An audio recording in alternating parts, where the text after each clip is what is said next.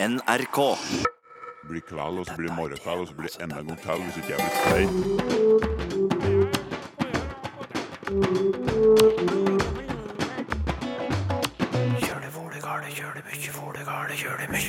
To ord prega overgangen fra 2017 til 2018. Trakassering og mobbing. Men hva er forskjellen? Det er et stort felt her som er felles, og i mange tilfeller så er mobbing og trakassering det samme. Men er det noe som er trakassering som ikke er mobbing? Og er det noe som er mobbing, men ikke trakassering? Barnehager har fått språkreir for å redde kvensk språk. De har lært masse. Både kvenske sanger og ord og uttrykk, og vi ser også at de skjønner mye. Men hvor mye hjelper det et utrydningstrua språk? Og hvorfor banker vi i bordet for å unngå at noe fælt skal skje? Vel møtt til Språkteigen. Like før jul kåra Språkteigen Årets ord 2017. Årets ord 2017 i Språkteigen er trakassering. Ordet hadde prega samfunnet, særlig ved utgangen av året, og gjør det samme nå ved inngangen til 2018. På nyttårsaften holdt kong Harald sin tale.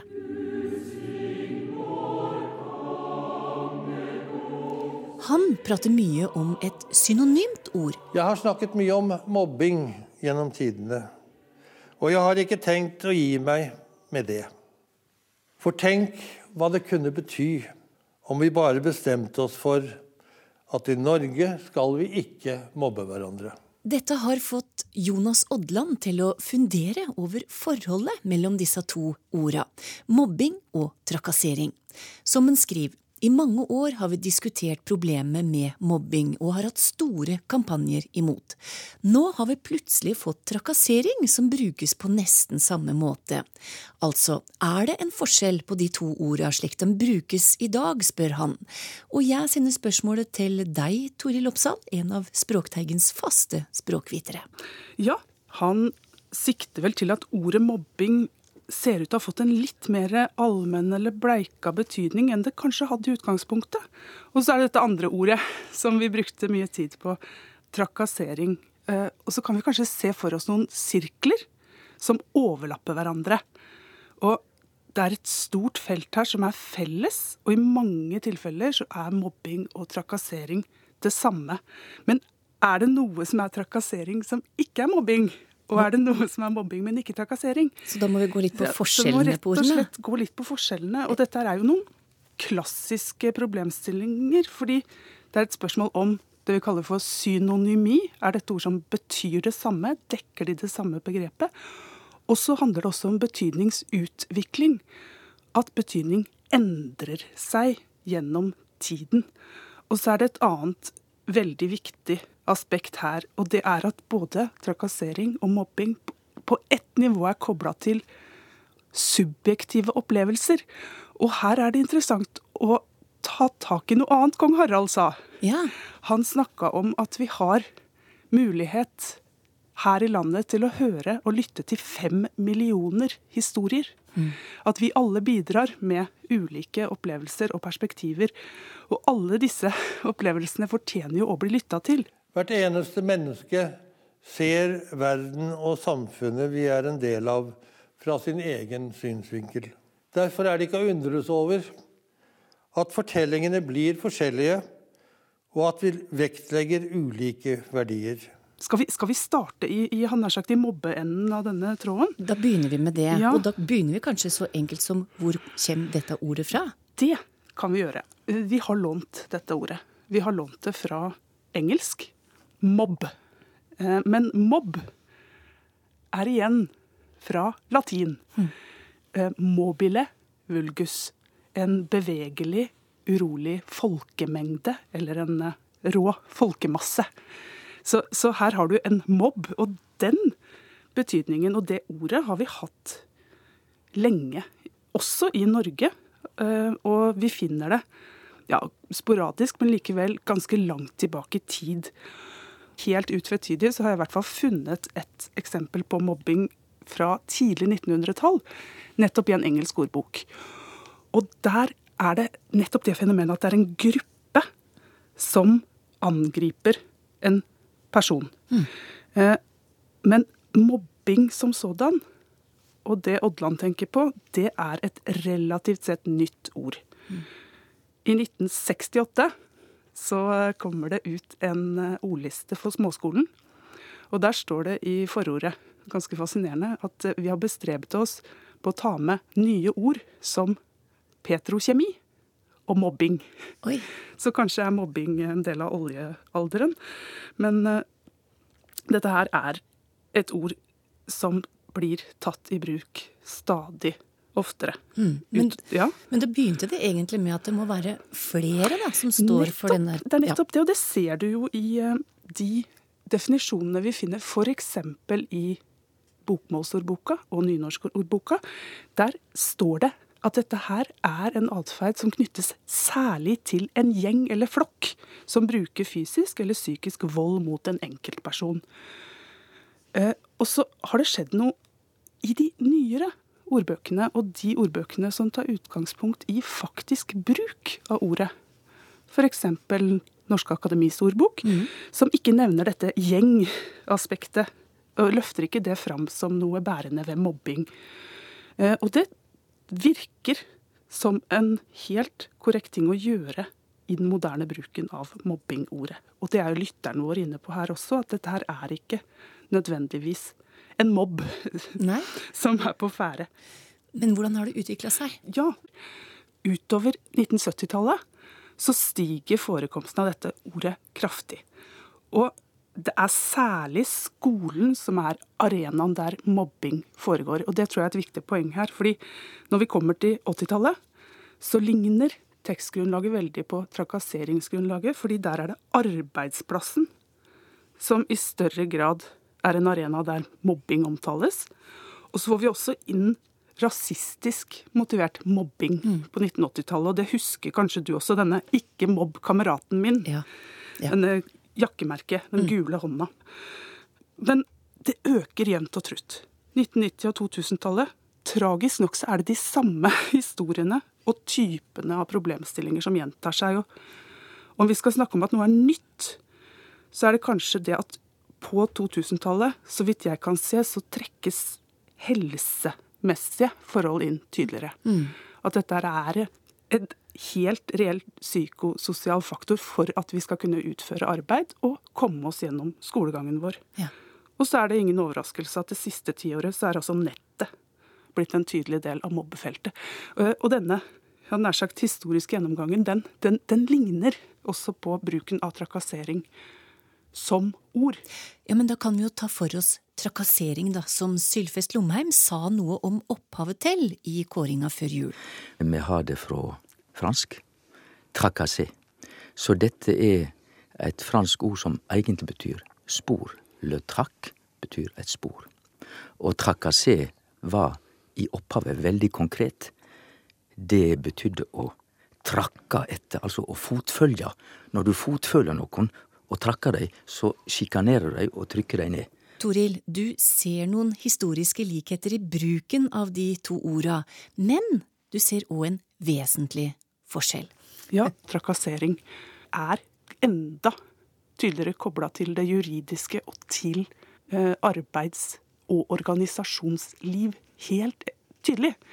Det er en litt tidligere eh, hva skal jeg si, økning i bruken av ordet. Der er det helt fra tidlig 1900-tall, og særlig 1920- og 30-tallet.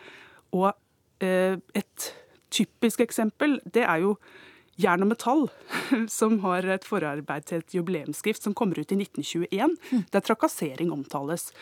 Og dette her er også kobla veldig mye til skrifter fra LO, Arbeidernes opplysningsforbund.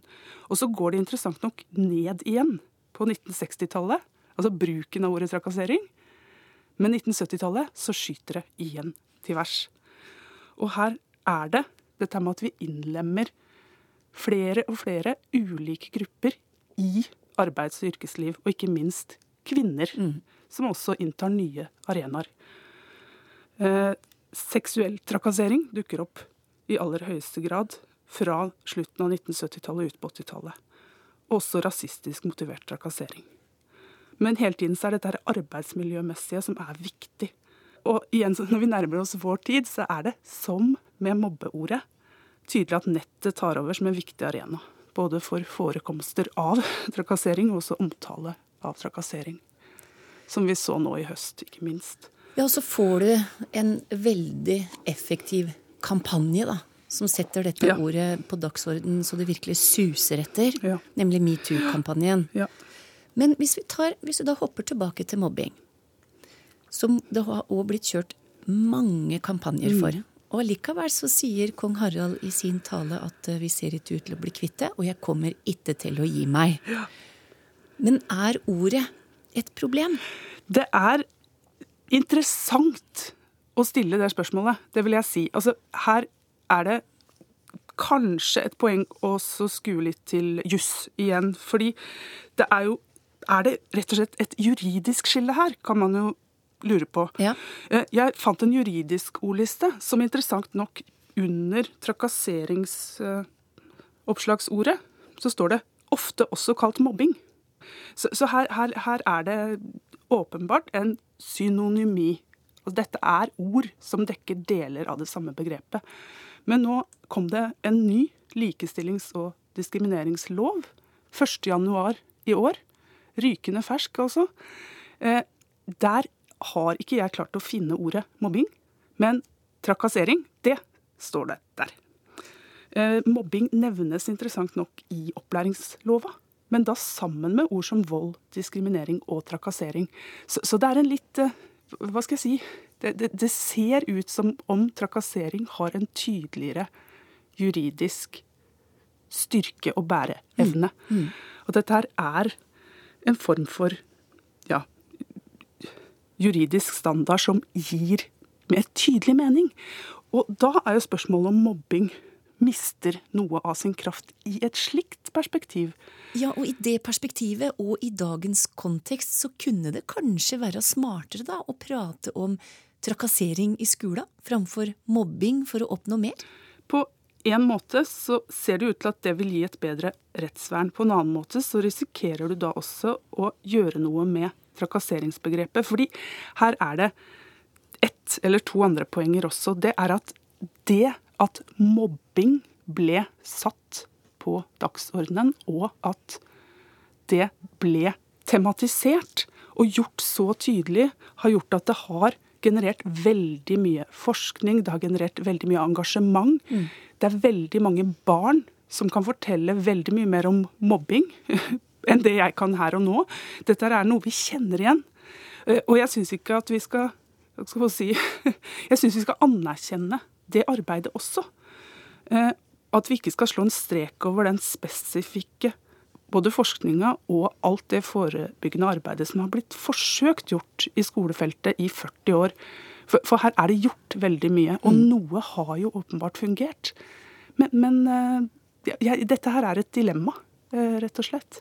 Men det er et interessant spørsmål eh, Jonas Odland reiser her, egentlig? Ja, ja det, er, det, er, et fabelaktig spørsmål. Og det gir oss også muligheten til å tenke gjennom når ord dukker opp, hva ord har blitt brukt til. Og de viser også igjen så inderlig godt hvordan ord og vår historie henger sammen. Mm. Takk til deg, Toril Oppsal, som svarte på et lyttespørsmål om forholdet mellom de to orda mobbing og trakassering.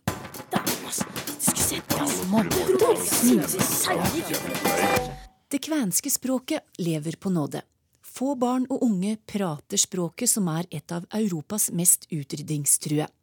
Likevel er det en ny optimisme i de kvenske miljøa. Før jul lanserte NRK ei ega nettside for og om det kvenske folket. Og barnehager i Porsanger og Nordreisa har egne kvenske språkreir. Men hvor mye hjelper det for å redde et språk? Hyvää i kaikille. Det er språkreir i Bærtua barnehage i Lakselv. I ett og et halvt år har personalet, foreldre og barna fått opplæring i kvensk i tre barnehager i Lakselv i Porsanger.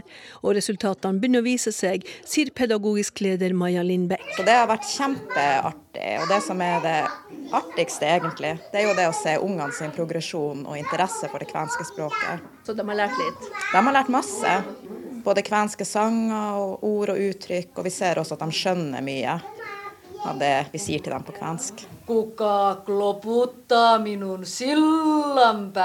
Eventyret om Bukkene Bruse er tatt i bruk for å lære ungene kvensk.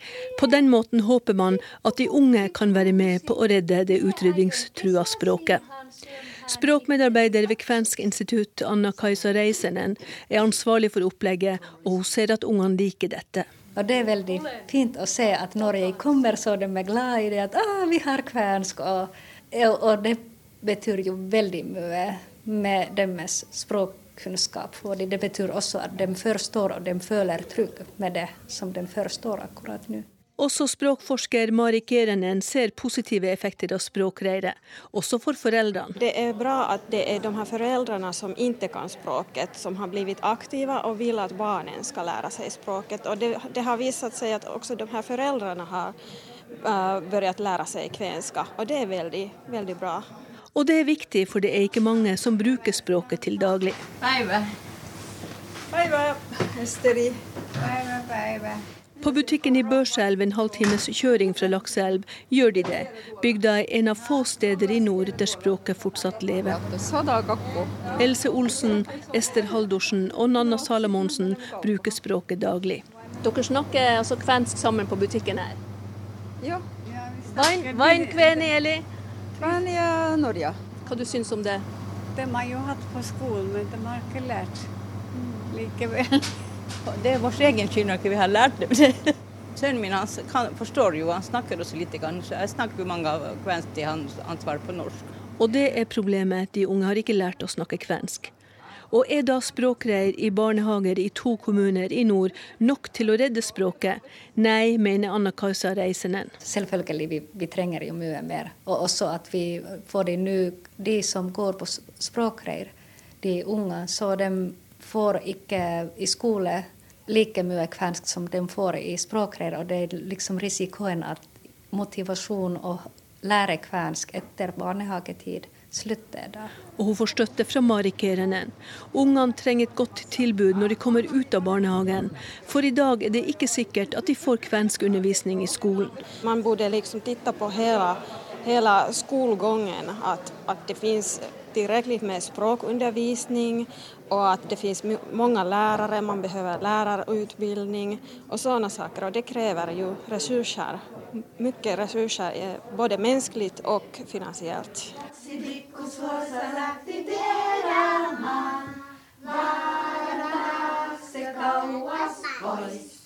For selv om disse ungene lærer å synge og snakke, så kreves det mer for å redde språket, mener også nestleder Trygg Jakola i Norske Kveners Forbund. Hvis man skal høre kvensk om 20-30-40 år her i landet, så, så, må det skje mye. Det må skje mye i forhold til den, altså på individplan, altså på det enkelte. Hver av oss må ta ansvar for å føre språket videre til de som kommer etter oss, men det må også skje på det mer som formelle plan hos myndighetene på alle nivåer. Kommune, fylkeskommune, stat. Reporter var Laila Lanes, og nå på nyåret så kommer regjeringa med en egen plan for kvensk språk og kultur.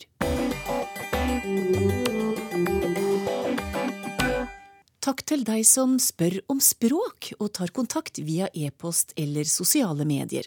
Jeg har ikke tid til å svare alle direkte, men spørsmåla blir notert. I dag er det lingvist Georg Kjøll som svarer på spørsmål om faste uttrykk. Og først til Jon Nergård, som lurer på opprinnelsen til uttrykket å reise sin kos. I eldre litteratur så har han kommet over uttrykk som Ho drev sin egen kas nedover tomterne, som han lurer på om kan være av samme opprinnelse. Det er, eh, som eh, lytteren observerer her, et eh, ord som har hatt litt forskjellige former opp igjennom. Men alle relaterer seg til det ordet vi har fortsatt, som ligner, nemlig kurs. Så kos betyr vei eller kurs. Og vi finner igjen også på fransk eh, kurs, eh, og tilbake til eh, latin kursus, som er løp eller vei eller retning. Så det å dra sin kos, hvis du bytter det ut med kurs, så får du, får du, et synonym, og da er det litt mer gjennomsiktig. Så du drar din kurs, du drar din vei, og du blir, du blir borte. Og man, man, har varianter også som ikke er så vanlige lenger, men man snakker om at det glir i sin vante kos. Altså, ja, det går, det går den veien den pleier å gå. Man kan snakke om å snu sin kos, f.eks. Å snu kursen. Mens det er å reise sin kos eller dra sin kos som har overlevd som, som det mest hyppige, hyppige uttrykket på, på, moderne norsk. Men dette var et uh, uttrykk som hadde både mange former og bruksområder tidligere. Og så har det antagelig kanskje blitt borte litt fordi vi har fått kurs, så, så det, er ikke, det, er ikke, like nyttig lenger, dette ordet. Det har rett og slett forandret seg en, og fått en ny form. Og så er det jo lett å blande sammen med andre ting da, på, på, norsk. Vi snakker om å kose, kose, seg, eller at noe kan være koselig. Eh, men dette har ikke noe med, med uttrykket kos å gjøre. Her er det heller et slektskap til et tysk ord, kosen, som betyr å stryke noen kjærlig. Og man finner igjen også på tysk da, som, eh, i ord som kjærtegne, altså livkåsen, mm. eller kjælenavn, som i kåsenamen. Uh, så det er på en måte Man kan jo si at jeg kanskje har utkonkurrert det litt. Og nå har man jo liksom cozy og, og sånne uttrykk på engelsk også, som, som kanskje ja, gjør at man får sterkere assosiasjoner da, til, til, den betydningen. Mens dette uttrykket, ja det, ja, det har ikke noe med med saken å gjøre. Det har heller ikke øya Kåss, som mange uttaler som kos. Eh, så det hender jo at folk blander sammen og reiser sin kos som, som at man drar til Bloksberg. Så man drar langt unna. Man drar til et uh, chartermål. Um, og så blir kos en plassholder. Det blir et symbol for, for hvor man drar. Men det har ikke noe med, med saken å gjøre. og uttalen er jo egentlig da også da, på, på, på gresk. Mm. Men hvor kom denne reise sin kos inn i språket vårt, da? Eh, ja, det, eh, det, er som nevnt da, dette, dette franske ordet kurs og latinske eh, kursus, altså løp eller vei eller retning. Så det har funnet veien inn i norsk via, via fransk, mest sannsynlig. Så vi finner det igjen i en del sånne latinske språk, da, med corso på spansk og, og corso på italiensk. Mm. Og det har kommet og det reiser sin kos. Jepp. Det er eh, på, på, vei, på, vei, ut, eh, mest sannsynlig. Eh, I hvert fall i alle uttrykk som ikke har blitt forstenet av den faste formen reise, reise, sin kos eller dra sin kos. Det, det, kommer nok til å overleve som et fast uttrykk. Nei, Man har et synonym i dette, dette uttrykket, dra sin kos, i det også litt foreldede gakken, som er en imperativ form.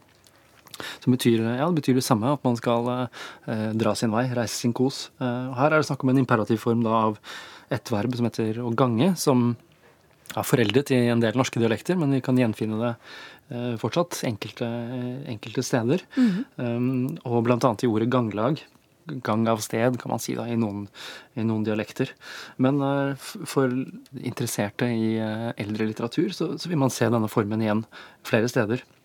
Annet i Petter Dass, Nordlandstrompet, hvor han skriver «Eh, Min bok, du har ditt ønske nået, gakk hen, godt folk ad gjeste, gakk frilig hen til alle land, gakk hen og ta den fromme mann, sier han da i, i Nordlandstrompet. Og her, eh, her, snakker han eh, om, om boken, så her har han en sånn imperativ til, til selve boken. Mm. Så vi kan gjenfinne denne gakk-formen eh, i uh, mye litteratur. Den var vanlig på Petter Dass' tid. Og den har hatt lengre levetid på, på nynorsk også.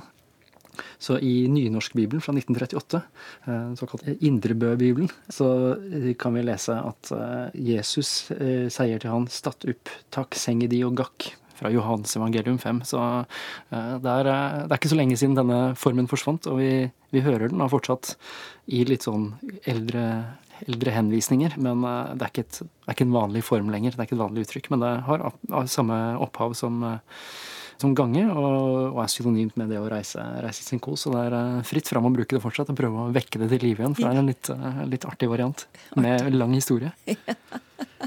Gakk hen og gjør det du må. ja, gakk hen og bruk disse litt gamle uttrykkene så mye du klarer. Og så, så holder, vi, holder vi liv i dem. Nytt spørsmål.